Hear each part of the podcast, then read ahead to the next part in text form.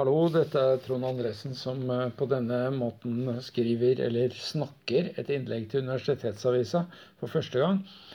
Og det jeg skal snakke om, det er eh, en bekymring om eh, forholdet mellom fakultet og institutter.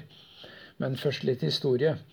Jeg var medlem av det som da het kollegiet, det heter nå styret, for NTNU fra 1999 til 2001. Eh, og dette var en periode hvor man omorganiserte eh, det som før het avdelinger, og som nå heter fakulteter. Og man skulle da lage større enheter, som eh, også på teknologidelen av NTNU på Gløshaugen skulle hete fakultet. Og skepsisen var på mange måter stor.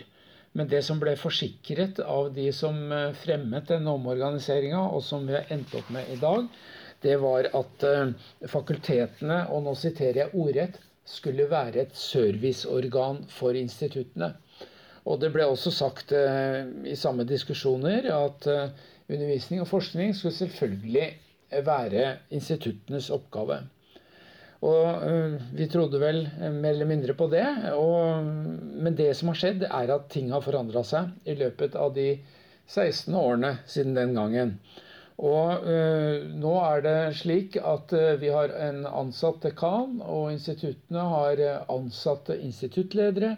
Og øverst i pyramiden så har vi da en ansatt rektor, som da bare kan uh, kommanderes av styret ved NTNU.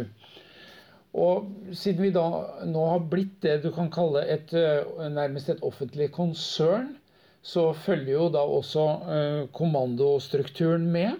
Og kommandostrukturen er da at eh, dekanen rapporterer til rektor, som det så vakkert heter, og instituttleder rapporterer til dekan. De har da altså sin organisatorisk fastsatte lojalitet oppover. Eh, så er vi også i den situasjonen at dekanen ikke har noe styre. Eh, så i prinsippet så er dekanen en opplyst diktator, for å være snill. Eh, dette er ikke noe personangrep, jeg bare prøver å beskrive de organisatoriske prinsippene som gjelder her. Eh, sånn at dekanen kan, hvis dekanen vil, utstede kommandoer eh, som da skal gjelde for f.eks. de som underviser på et institutt. Og Her kommer da et, et konkret eksempel på hvordan dette kan gi seg utslag. Vårt fakultet har da vedtatt at sensur av masteroppgaver ikke lenger skal skje ved at faglærer og en ekstern sensor setter seg ned sammen og bestemmer utfallet. Eh, nå skal det skje ved at faglærer kobles ut av dette, og at vi skal ha to eksterne sensorer.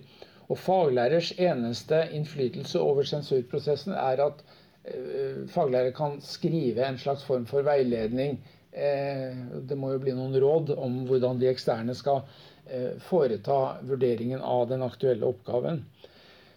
Dette eh, påfører instituttet vårt merarbeid. Og vi faglærere mener alle ved instituttet at dette her er en betenkelig endring. Så det er en samlet mening om det på instituttet.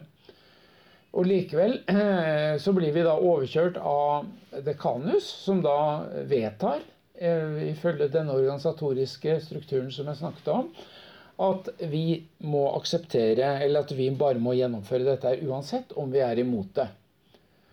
Og dette finner jeg veldig betenkelig, fordi at eh, det er jo vi som vet best hvor skoen trykker, og som faktisk underviser og gir disse masteroppgavene.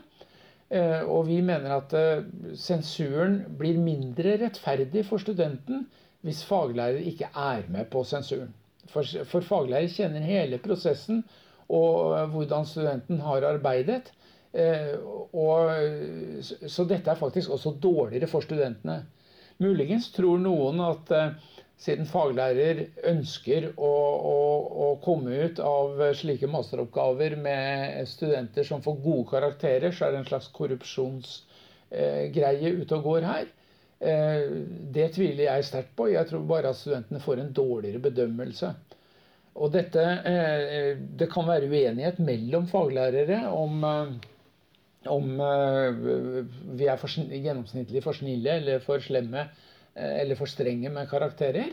Men det kan da løses, og løses i praksis ved at man løpende og jevnlig diskuterer karakterstatistikken ved instituttet og hva man hører om hvordan de gjør det andre steder osv. Så, så, videre. så det er fullt mulig for faglærerne å konvergere inn mot en fornuftig balanse her. Og det har pågått f.eks. ved teknisk kybernetikk i årevis, den type diskusjon.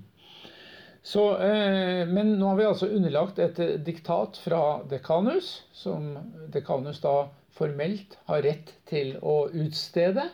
Men det er ikke spesielt smart og det er betenkelig når man ser tilbake på eh, det som ble sagt da de nye fakultetene ble etablert, at de skulle være et serviceorgan for instituttet.